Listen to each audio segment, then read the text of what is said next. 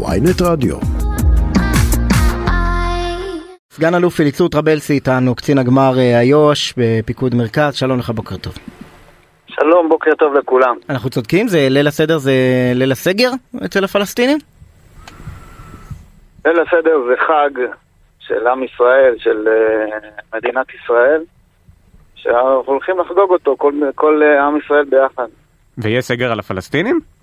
לפי ההחלטה של שר הביטחון, יש סגר uh, במעברים מיהודה ושומרון למרחב הקו הירוק. ואיך עוד נערכים uh, לחג אצלכם uh, מבחינה ביטחונית? מבחינה ביטחונית, uh, אנחנו, פיקוד מרכז ביצע uh, הכנות מקדימות. אנחנו נמצאים שנה למבצע שובר גלים.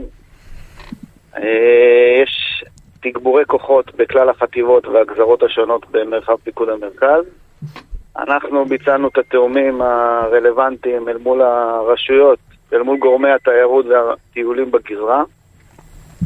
אה, ונערכים לביקור של אלפי אנשים בגזרות השונות.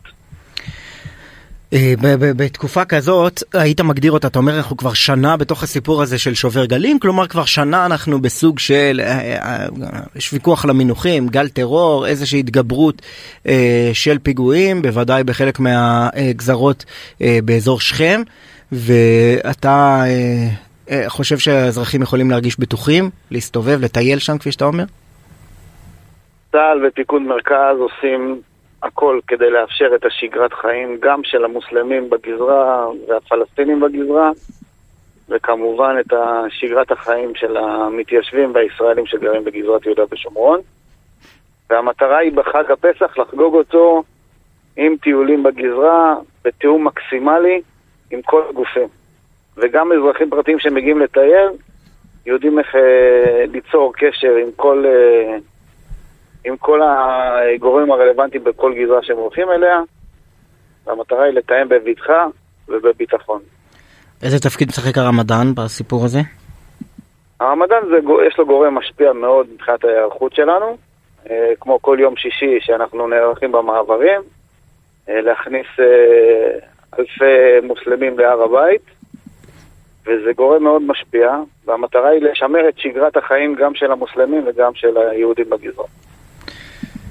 אה, אתה... אה, מה זה אומר שאתה קצין הגמר? מה בדיוק התפקיד? קצין הגמר אחראי על כל הגנת היישובים בגזרת יהודה ושומרון וכל התיאום של ביקורים אה, וטיולים במרחב פיקוד המרכז. עבודה מול הרשויות, הכנת צוותי החירום והכוננות ביישובים ובגזרות בפיקוד מרכז.